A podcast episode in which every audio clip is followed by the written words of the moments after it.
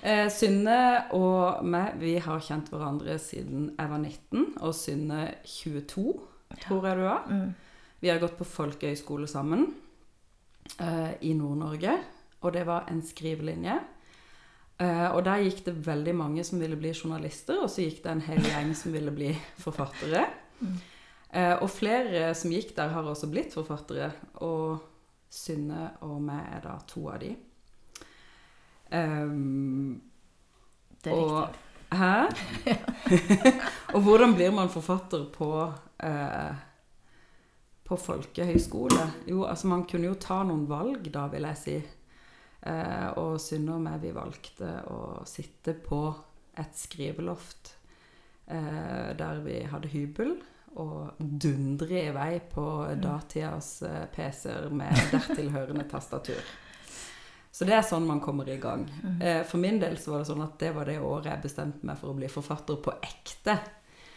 Um, og så debuterte vi sammen i Signaler året etter vi hadde gått på folkehøyskole. Og da var det jo på sett og vis i gang. Mm, ja, det var det jo. Det var jo litt flaks at vi kom inn på samme. Jeg husker jo veldig godt du var på besøk hos meg i Bergen. Og så fikk jeg brevet om at jeg hadde kommet inn i signaler. Og så visste du at du skulle reise hjem til, meg, til Oslo. Og så ringte du meg og sa at du hadde kommet inn. For det visste ikke du da. husker For jeg. da fikk vi sånn brev i posten. fikk brev i posten. Så det var veldig kult at vi kom i samme signaler. Det var, det var en stor ting på den tida. Det var, Det var å gi ut de første tekstene man hadde skrevet i signaler. Mm. Jeg vet ikke helt hva slags status Det har nå, nei. det har nå, men den gangen så var signaler superviktig. Det var ikke så mange sånne antologier for debutanter, liksom. På den Nå er det liksom kanskje mange flere plattformer å Mm. Jeg, jeg, Gi jeg bare ut. nå, men Ja, fordi- gjør det. Det er jo fortsatt status, men vi skal, Ikke ta, vi skal ikke ta ifra noen statusen det er å gi ut en tekst i signaler. Men jeg er enig i at det er mange flere plattformer. Kanskje, Ja. kanskje mye ja. altså, på 90-tallet så var litteraturen, kan vi vel si, et helt annet sted enn vi øh, føler Mm. og tenker at den er i dag. Sånn, eh, altså det å skrive og bli forfatter hadde en litt annen type setting, kanskje, på den tida. Ehm, jeg husker at da jeg ga ut den første boka mi, så visste jeg hvem alle norske forfattere var. Jeg hadde antageligvis lest én bok av hver eneste norsk forfatter som fantes. Eh, Jeg hadde til og med skrevet brev til noen, for det har jo folk fortalt meg sånn 15 år etterpå. Veldig flaut. Eh, Men eh, eh, altså det å være forfatter var liksom en sånn eh, Jeg vil ikke si at det var en sosial ting også, men du var liksom veldig bevisst at det var Hva skal jeg si, nå roter jeg meg vekk i et eller annet. Nei, men jeg tenker jo kanskje litt at det var kanskje vår alder òg. At, det, ja. det kanskje er litt sånn fortsatt, men at vi har, vi vokst inn i det på en annen måte. Når man er ung, så, så blir det jo veldig sånn forfatteryrker en veldig sånn romantisk idé også. Men jeg tror kanskje at ehm, ehm, Jeg tenker litt sånn ekstra på den der eh, debutromanen min og eh, det å skrive og være forfatter i år, for det er 20 år siden jeg ga ut den første boka mi. Og så var jeg veldig, veldig ung. Det var jo du også. Ehm, og så er det interessant å bli eldre og begynne med sånn tilbakeskuende virksomhet og se på hvordan det var den gangen og sånt. Det syns jeg er litt sånn fascinerende at man begynner å gjøre. At det nesten er biologisk, da. Eh, at man begynner å se seg tilbake på livet sitt. Eh, og så syns jeg at ehm, eh, Nei, jeg vet ikke hvor jeg skal nå. Nå roter jeg meg veldig langt eh, av Men sted. det vi snakket Vi litt om tidligere om Ja, det var jo eh, litt det med at eh, det er jo Markedet har jo blitt annerledes, og det å være forfatter når vi debuterte, er jo, og debutantstatusen er jo helt annerledes nå enn det den var da. Så når vi debuterte, så fikk jo kjempemye oppmerksomhet. Altså Det ble skrevet om i alle, de, alle aviser, og man fikk anmeldelser, og man fikk kjempemye sånn eh, det ble veldig synlig. Mens i dag så er jo det en helt annen virkelighet i mediene, i hvert fall. Når du gir ut en bok, så kan jo Ja, man får kanskje en liten notis som debutant, på en måte, men man blir ikke på en måte så lagt merke til. Så det har vært en utvikling hvor Mm. de bestselgerne og sånne ting har blitt Og krim og Altså noen sjangermessige ting som har skjedd. mm. Hvor den der mer smale litteraturen ikke blir så mm, sett da, i media, tenker jeg. Det tenker jeg er stor forskjell eh, fra vi debuterte til nå. Men nettopp derfor så tenker jeg at det er noe med å følge den der veien man har begynt på. Um, og så bare fortsette å gå på den.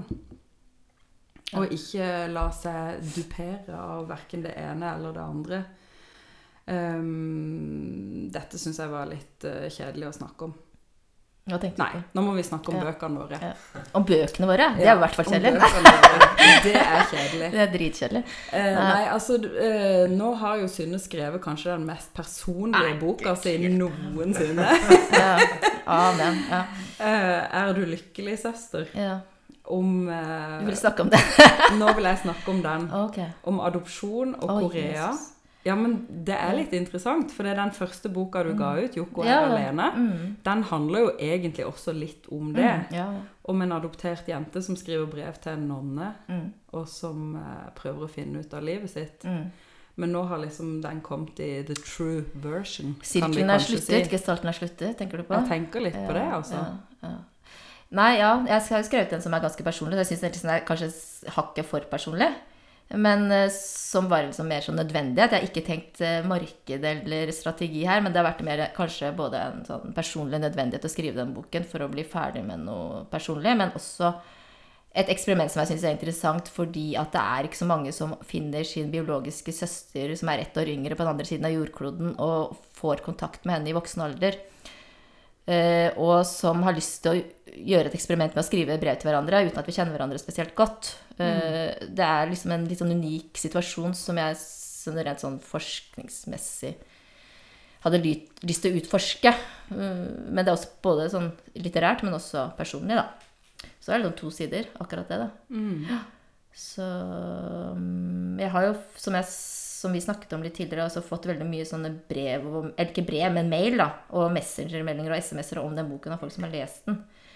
Eh, som har nok syntes at den er eh, åpnet opp for noe personlig i dem også, fordi jeg egentlig ikke er så veldig personlig til daglig. Jeg er ganske sånn lukket. Så en del som kjenner meg litt sånn perifert og nært, blir litt sjokkert og føler plutselig at de kan fortelle personlige ting til meg og sånn, da. De tror at de har sett inn i sjela De di ved å lese det. boka di, vet ja, litt ubehagelig, men også litt fint. Eh, Men det er eh, Ja, jeg, jeg tror det var en bok som var nødvendig å skrive, men som jeg kommer aldri til å skrive noe så på den måten igjen, da. Mm. Kommer ikke til det. Det var sånn slags katarsis. Nei, men det Ja. Så det Ja. Ja, det er en in veldig interessant bok, for det, den er så antinarrativ, på en måte. mm. Den er liksom eh, filosoferende og fabulerende. Altså, den er, den er to brevskrivere. Mm. Det er to stykker som skriver brev til hverandre. Det har jo vi også gjort. Skrevet utrolig mye brev til hverandre opp igjennom.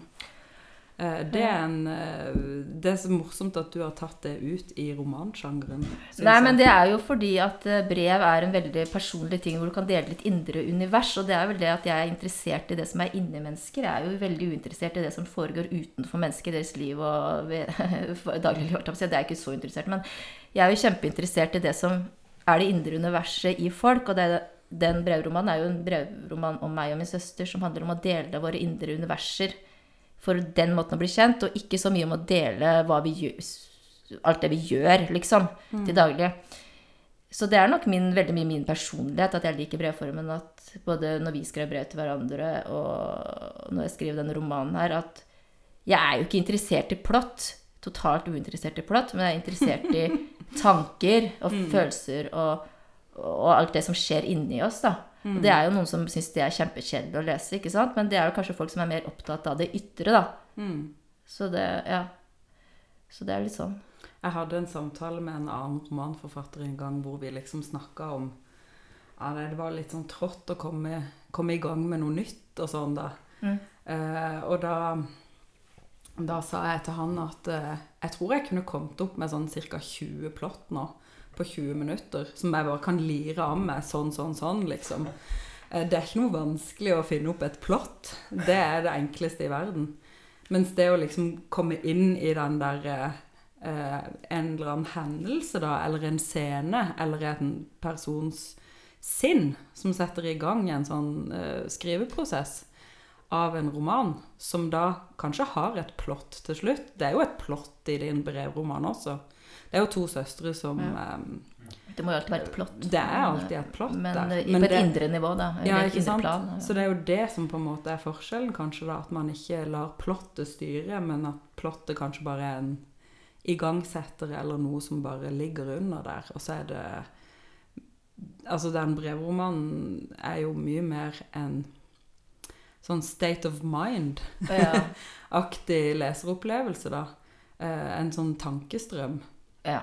Jeg er jo veldig opptatt av tankestrøm. Men jeg tenker jo også at du, det du skriver også er veldig sånn stemmebasert. Det er kanskje blitt mer og mer sånn mer og mer med plott også i dine ting. Men i utgangspunktet, de første dagene er gjennomsiktig, så er det jo veldig en stemme og et språk og en rytme som suggererer deg inn i en stemning og en følelse og en, i en, noen veldig sånn sterke følelser, da. Ehm, Jeg er jo det- veldig glad i plott. Jeg syns jo plott er altså det Jo, jo, men alt er jo plott, da. Vi kan jo være enige om det. Men Mm. samtidig at, at det er jo ikke sånn type krimplott. Nei. Jeg, jeg føler jo ikke når jeg leser dine bøker at det er sånn type Nå har du gått på forfatterskolen, nå har du lært å lage en karakter, nå har du lært å lage handlingskurve, nå har du lært eh, eh, The Hero's Journal liksom. Altså at Du følger jo ikke en sånn mal, føler jeg, når jeg leser dine bøker, men at det skjer mer på det intuisjon, på, på en følelse, da. Eller stemmer ikke det? Eller? jeg har jo skrevet en, en roman om en fyr som forsvinner i New York, og det er jo på en måte egentlig ikke nesten det boka handler om engang. Men det er det folk kommer bort til meg og sier sånn Du, hvor ble det egentlig av han der fyren Ja, ja. som forsvant i New York? Og da sier jeg nei, det, det vet ikke jeg. Og det har vet jeg jeg like lite om som det. Eh, men ja. Ja, nei, for Det har jeg aldri tenkt på engang. liksom- For jeg tenker at forsvinninger er kanskje et sånn tema som går igjen i mange av dine bøker. At det er noen som forsvinner. Det er må jo som- være noe som forsvinner. Det er jo Ja. alltid noe som forsvinner i litteraturen. Det Ja. er noe som mistes, og noe som skal finnes igjen, da, tenker jeg. Og at det også er noe av det som skriveprosessen handler om, eh, som forfatteren gjør. At det, når du Mm. sitter og skriver, så, så, så mister du noe. Og så, um, og så finner du noe igjen, da, når du er ferdig med teksten din, Mm. på et vis. Men du har funnet noe annet enn det du trodde du leita etter, kanskje. Det er jo litt sånn med å lese de mest fantastiske bøkene du aldri blir ferdig med òg, Mm. er at du ikke eh, du, du får jo aldri det du trodde du skulle få, eller det du har forventa. Du får noe annet. Får noe nytt, kanskje. Mm. Hmm. Men at det er kanskje noen sorg i det at noe forsvinner. At det er noen eh, følelser der, da. Mm. Og din roman som kommer i oktober, er det det? I okto på oktober i oktober? Det kommer en Eller- roman på oktober ja, i oktober. Som heter Et plutselig mørke. Og den handler jo om Den en dame dame som plutselig forsvinner. Ja. Ikke sant? Fordi at jeg har en hang-up på folk Ja. som forsvinner. De må liksom forsvinne litt av og til. Men så har jeg jo eh, hanka henne litt inn igjen, da, så hun kommer jo faktisk tilbake. Jeg har alltid syntes at det var veldig spennende å skrive om vennskap. Um, det er mange, mange romaner som handler om den romantiske kjærligheten. Og det er jo selvfølgelig den der store greia som alle er opptatt av, eller som står veldig sentralt i folks liv, da. Eh, mens for meg har det alltid vært en sånn spennende sidelinje med, der, eh, med de vennskapene, da. Jeg tror det er fordi jeg alltid har eh, eh, hatt veldig høye forventninger til vennskap. har alltid tenkt at det, em- det må være noen mennesker i livet mitt som skal spille en sånn viktig rolle, da. Um, og, og som alltid er der uansett. Og som har en sånn rolle Altså venn, venner, et veldig sterkt vennskap, kan ha en helt annen rolle enn familie, da. Eller den du er sammen med. Kjæresten din, eller Ja. Um, jeg har alltid syntes at der var det masse potensial i, uh, i romans form, da. Um, og jeg ser jo også at eh, jeg liker å lese om Altså det er en del sånne Jeg vet ikke hvorfor jeg sitter og tenker på Howard's End uh, i M. Forster, men det er en sånn bok jeg vender tilbake til og har sett alle TV-serier og filmer og sånn, filmatiseringer av den. Den handler også om et sånn vennskap som uh, står i, i sentrum av den fortellinga. Um, det, det syns jeg er interessant å lese om. Mm. Men det er vel kanskje den første romanen som er mer sånn viet til vennskapets eh, som tematikk, liksom. Som ren Ja. For det er jo en ganske stor tematikk. Både vennskap som utvikler seg fra, i din roman, da, fra, Mm. fra ungdomstiden og inn i voksenlivet, og hvordan det liksom Mm. utvikler seg, hvordan det er med å danne faktisk ikke bare Altså det er ikke bare vennskap, men det er jo med på å forme ens identitet og ens utvikling og ens måte man liksom speiler seg selv på også når man er voksen, da. Det vennskapet. Mm. Det er en sånn form for nostalgi, liksom. I Ja. å se tilbake på seg selv og sine venner igjen tilbake, liksom. Ja, så tror jeg det er mange som uh, blir eh, godt voksne. Mm. Og så lengter man tilbake til de vennskapene man hadde når man var ung. De er veldig, ofte veldig eh, intense, da. Mm.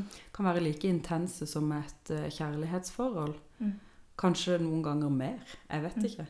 Eh, Ikke så sanselig på en måte, men sånn mentalt sett da veldig, eh, veldig intense forhold. Um, det syns jeg var spennende å skrive om Mm. eh, i denne romanen. Og hvordan det kan liksom komme tilbake igjen i livet ditt på et eller annet vis seinere, da. Eller at det kan ha vært med deg på en eller annen måte. Um, og forma deg. Mm. Og at, du, at det er noe du lengter etter å få tilbake igjen, da.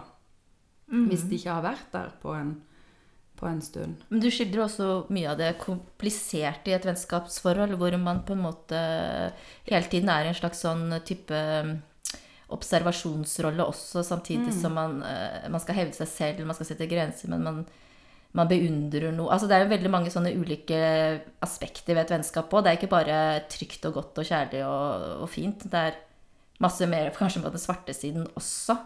Som kommer veldig sånn interessant frem i den romanen, tenker jeg. At uh, man får frem masse ting som aldri blir sagt. Hvordan vil du plassere den romanen i forhold til dine forrige romaner? da? Altså I forhold til eh, stil, sjanger, språk, eh, tema. Liksom, er den annerledes? Er den lik? Er det liksom en videreføring av et eller annet Altså prosjekt du den, den forrige boka mi, den uh, 'Jeg har ventet på deg', Mm. den er ganske konkret i den forstand at den gjorde jeg mye uh, research til. Den handla om andre verdenskrig. Jeg hadde jobba masse med Mm. om andre verdenskrig. Skrev mye om det. Um, og jeg hadde lest mange tidsvitneskildringer og hadde på en måte et sånt mentalt inntrykk av um, fangeerfaringer og motstandsfolks erfaringer og mye sånn Krigen sto veldig tydelig for meg etter å ha jobba med det i noen år. Så det var veldig Det var på en måte veldig sånn konkret å skrive den forrige romanen min. Mm. Veldig sånn tydelig historie. Veldig lett å snakke om, ikke sant? For det er så lett å snakke om sånne konkrete, faktiske Mm. forhold. Litt sånn som du har i din bok nå. Mm, mm. Du kan snakke om adopsjon og Korea og Mm. eh, søstera di og brevform og Det er mye vanskeligere å snakke om den romanen jeg har skrevet nå, fordi den er helt sånn Hva handler den egentlig om? Det handler om to damer som har vært venninner, og så Mm. forsvinner hun ene, og de prøver å gjenoppta kontakten, og det er litt sånn ullent og rart. Og det går liksom ikke helt an å si hva er det det egentlig handler om. Uh, men det tenker jeg er liksom også en sånn um, fin ting med skrivinga. Det er at du ikke kan forklare og fortelle så veldig lett hva det er du egentlig holder på med, for det skjer bare der Mm. Inne i romanen. Og så kan man kanskje se på det lenge etterpå og tenke at å ja, det var det det handla om. Jeg hadde det jo litt sånn med den første boka mi som handla om en jente som mista lillebroren sin. Og da var jeg veldig ung når jeg skrev den, og eh, skjønte liksom noen år etterpå liksom, hvor dum går det an å bli, eh, at, eh, at jeg hadde skrevet om min egen mor. Fordi hun mista to Mm. uh, små brødre når hun var liten da, og ung. Uh, og det var en historie som gjorde sånn veldig sterkt inntrykk på meg når jeg var liten, så selvfølgelig måtte det bli den første boka mi. Mm. Jeg bare skjønte ikke sjøl at jeg hadde skrevet om familien min, på en måte. For det var så um, fiksjonsprega for meg. Det var jo ikke sånn disse hadde dødd, sånn Nei. som jeg beskriver i romanen min, da. Um, og så den andre romanen min, den handler jo på en måte mest om meg sjøl når jeg var liten, da. Det er en sånn setning som går igjen i den boka. Malene er en liten jente helt alene, husker jeg. Jeg tror nesten ikke jeg har kikka i den boka siden den kom ut. Um, men det var en sånn der ensomhetsfølelse fra barndommen. Men ja, nei, det er nok den forrige boka mi som er den sånn mest konkrete, som er lettest å snakke om, da, tenker jeg. Og så er det den der med plottet. Et, eh, en ettermiddag om høsten. For det er en fyr som forsvinner i New York. Det er veldig enkelt plott å forklare for folk. Jo, men jeg tenker liksom, hvorfor er det enklere å forklare det som er eh, handl sånne ytre handlingene er klar, på en måte? Men Ja. er det vanskelig for deg å sette ord på hva noe handler om når det, ikk- når det er mer på det indre psykologiske plan, da? Ja, altså, det- nå tror jeg kanskje at jeg har skrevet den mest eh, Ja, mest sånn psykologiske, Mm. kanskje, romanen min, da. At eh, den er litt sånn utydelig i, uh, i Mm. plott. Altså, det går ikke liksom helt an å si hva den handler om. Men når man leser den, så tror jeg man bare liksom er inni Mm. der, og så skjønner man det når man er inni der. Eh, Men det er ikke så lett å liksom formulere sånne catchphrases eh, på hva den handler om. Tap, sorg, Men, lengsel, du-du-du. Men hvorfor skal man det, tenker jeg? Nei, men det er jo litt sånn eh, Det jo litt sånn man snakker om bøker eh, i dag. Og sikkert også før. Og for 20 år siden. Når vi ga ut uh, våre første bøker, da. For en bok kan jo på en måte leses på veldig mange måter og forstås på veldig mange måter ofte. Mm. At det ikke er en sånn derre den handler altså, Jeg tenker jo det er mange som skriver bøker som er litt sånn subtile. Det er så deilig å skrive sånn konkrete ting. Det er så Hvorfor det? deilig å ha noe å snakke om etterpå som er sånn veldig konkret og håndfast. Og jeg har faktisk opparbeida meg en kunnskap om andre verdenskrig og veldig sånn Jeg syns det er litt nå- kjedelig. Ja, det er kanskje litt kjedelig også. Syns du det? Jo, men altså, det er jo så mye nå- mer, da. Ja. Jeg veldig, syns det er veldig spennende å, å gi ut bok igjen. Mm. Jeg må si det. Ja, men den har jo mange, eh, mange veldig presise observasjoner omkring eh, relasjoner og samtid. Mm. Som gjør at, den, at den humoren Altså det er ikke, ikke ha-ha-humor, men det er på en måte en slags uh, uh, Den er uh, tankevekkende og litt ubehagelig, kanskje, for at den setter Den er så presis da, i sine observasjoner. Det er jo typisk deg jo at du er veldig presis i detaljene. Ja. I observasjonene. Og til å sånn trekke linjer mellom de ulike observasjonene, så de blir på en måte Aha! Er det sånn det er? Ja, sånn er det. At man ser det. Det blir plassert foran deg. Mm. En slags sånn Altså, jeg, jeg hadde, hadde, lyst til å få fram noe av den der litt sånn eh, teite, ungdommelige, desperate sånn forsøket på å holde fast ved eh, et gammelt vennskap da, som har Mm. betydd mye. Eh, men også den der eh, hvordan man ser på seg sjøl, og hvordan man liksom vurderer seg sjøl litt sånn utenifra hele tida, og hvordan man ser på de andre, og hvor sant er egentlig det bildet du har av den andre, da? Altså, dette er jo to kvinner som eh, gjenoppdager hverandre på en måte etter kanskje sånn fem-ti års av og på ikke vært så mye sammen lenger. Um, jeg hørte på han der um, Mark Duplass, Mm. som er sånn amerikansk eh, TV-serie, um, film, skuespiller. Og han har laga en serie som heter Togetherness. Hvor det er noen sånn folk i eh, 30-40-årene som har små barn. Og, altså, og så forteller han at eh, den serien gikk i to sesonger. Og så ble den tatt av. Selv om den var veldig bra lagd. Og alle som så den, ble kjempesinte. Fordi han, han var så ærlig, da. Han fortalte på en måte eh, folk hvordan livene de sine egentlig så ut. Altså det handler om utroskap, og det handler om eh, skuespillerambisjoner, og det handler om eh, alt mulig. Jobb, finne seg sjøl. Litt sånn flaue ting, da.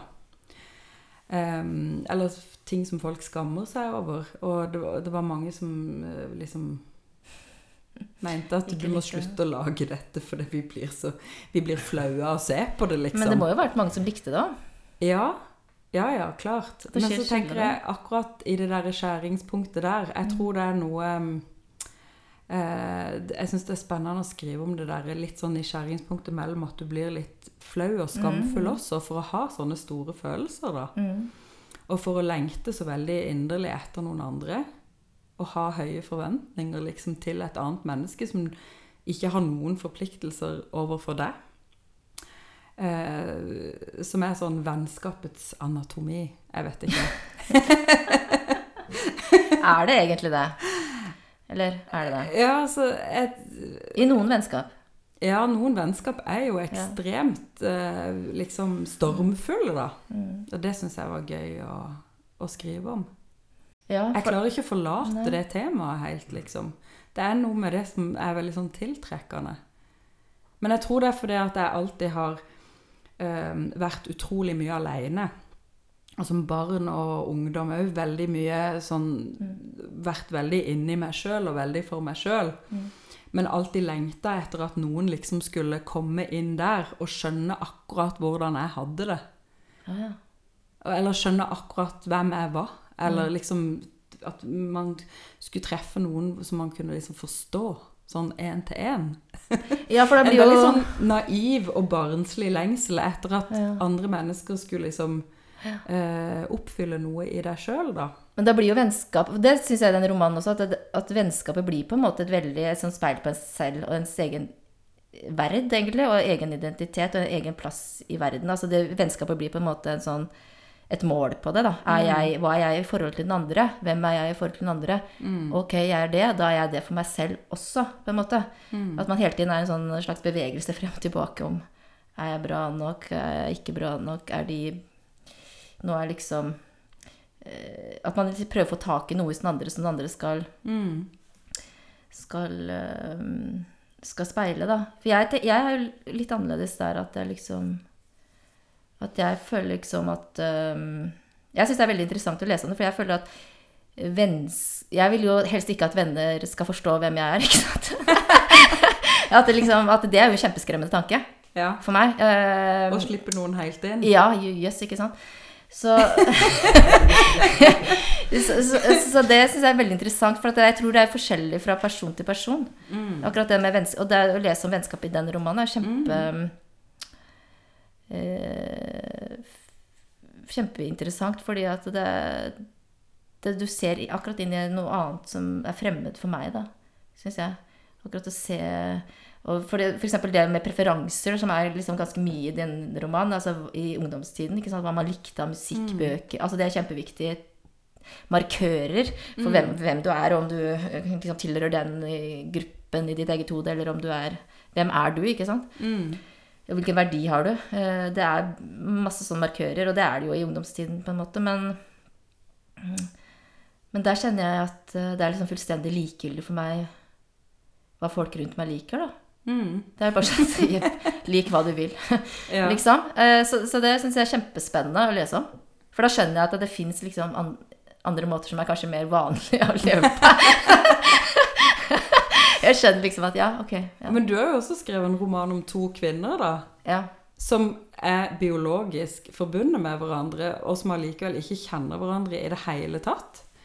Og det er jo ganske sprøtt, egentlig, hele den historien din. Jeg skriver masse om uh, preferanser, ikke sant? masse lister, nerder jo Ja. vilt i den boken, som sikkert er kjempekjedelig for mange. Men det handler jo ikke om at Det handler bare om meg selv, da. Hva jeg liker. Mm. Jeg driter jo hva andre liker. Men eh, rart nok så liker søsteren min, den koreanske søsteren min også mye av det samme, da.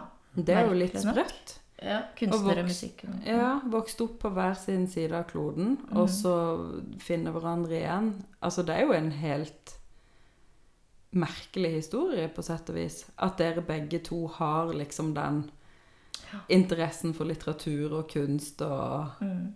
film og Søsteren min hun lærte å lese hun var tre år, eller noe sånt. Hun var kjempetidlig ute og ville bli forfatter. Men i Korea, så nå er jo dette en fiksjon, en roman, som jeg bygger på en virkelig brevveksling, den romanen jeg har skrevet. Men, men eh, det er jo en roman, da. Men vi har skrevet brev sammen i to år, da, som jeg bygger den romanen på. Og hun, eh, hun drømte jo om å bli forfatter, og, men i Korea så er det jo annerledes. Der er det sånn at du må liksom vinne en konkurranse, en nasjonal skrivekonkurranse som arrangeres. Jeg tror det er en avis eller noe sånt. Og så hvis du vinner den, da kan du kanskje bli publisert som forfatter. Det er ikke sånn som her, hvor du liksom kan sende inn til et forlag, og, og hvor det er enklere, da. Så for henne så var det jo vært umulig å egentlig å bli det, rett og slett. Eh, Så hun har liksom satset på andre veier eh, og sånne ting. Da. Så vi er jo ganske privilegerte egentlig her i Norge som kan skrive og bli publisert eh, på den måten som man kan her. Det er faktisk ganske unikt. Helt sånn ukritisk. Ja, ja helt Uten å ha vunnet en konkurranse. Ja. Jo, men sånn nasjonal skrivekonkurranse, det er jo Ja. helt vilt, ikke sant. Så- Sånn at uh, det er nok uh, Vi har nok noe eh, vi, er, vi, vi er privilegerte. Men dine bøker er jo, eller noen av dine bøker er jo oversatt til koreansk også. Ja, ja. Hvordan har det liksom vært å bli oversatt til Jo, det har vi, Jeg vet jo liksom ikke jeg, Det ble jo mye oppmerksomhet der, men den første å spise blomster til frokost Det ble masse oppmerksomhet i Korea. Kom jo alle avisene og på TV-en og alt mulig rart. Det ble jo litt absurd, egentlig. Og da kunne jo den biologiske familien din plutselig lese den Mm. boka du hadde skrevet. Ja, de kunne det. De, jeg tror de syntes den var greit, liksom. Ja. De har jo ikke lest den som er skrevet nå, da. Det er kanskje litt mer ugreit. Men ja, jeg har jo fått lov til å skrive noe av søsteren min, da. På bakgrunn av de brevene. Så, Ja. så det er jo Men det er nok litt mer sånn Men hva, hva sa de når de, hadde, når de leste 'Å spise blomster til frokost'? De sa ikke så veldig mye om det, tror jeg. Så det jo, de snakker jo koreansk. men altså, ja. ja. Men hun søstera di, da? Det, jeg tror hun hadde mer finger med i spillet der. At hun Ja. liksom fikk til det, da. Mm. Så hun syntes nok det var stas, altså. Ja. Ja. Og jeg har fått beskjed om at den liksom har blitt godt mottatt der, og den er godt oversatt og sånn. Mm. Ja. Det har vært spennende.